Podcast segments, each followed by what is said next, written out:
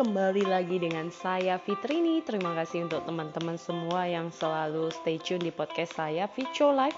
Nah kali ini teman-teman tidak terasa kita sudah memasuki di minggu ketiga di bulan April dan tersisa dua minggu ya kita akan memasuki bulan yang baru.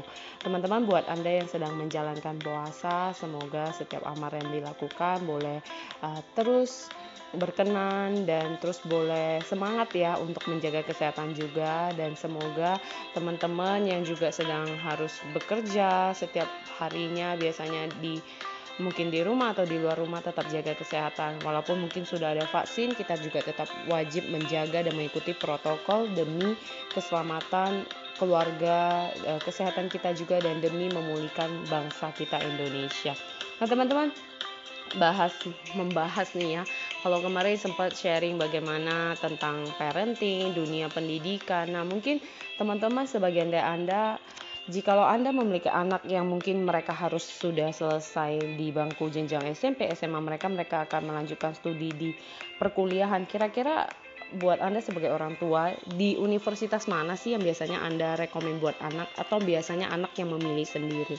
Nah, biasanya apakah kita sebagai orang tua yang lebih banyak terlibat atau anak yang lebih banyak memberikan uh, masukan atau memberikan inisiatif bahwa anak ingin kuliah di mana dan sebagainya. Nah, buat Anda para parents, mungkin ada sebagian dari Anda juga bingung, anaknya tidak tahu mau ke mana, tidak tahu mau mengambil apa.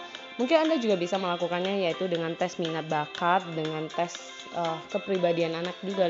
Tapi uh, namun yang lebih cocoknya adalah tes minat bakat. Jadi kita tahu anak ini sebenarnya lebih cocoknya di bidang apa gitu ya.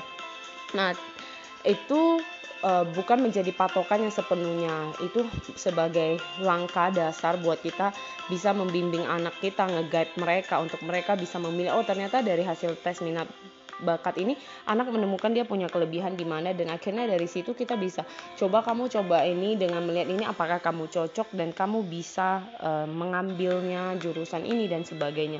Ingat tidak memaksa kehendak diri kita sendiri sebagai orang tua, namun biarkan anak mengambil keputusan mereka, pendapat yang mereka, kita sebagai orang tua menjadi the support system buat mereka. Jadi buat para parents, mari dukung anak-anak kita di mana pun mereka ingin melanjutkan kuliah, studi mereka selagi kita mampu, biarkan kita uh, kasih kesempatan buat anak kita bisa mengeksplor diri mereka untuk menemukan jati diri mereka, menemukan uh, kemampuan mereka, kebakat mereka, talenta mereka.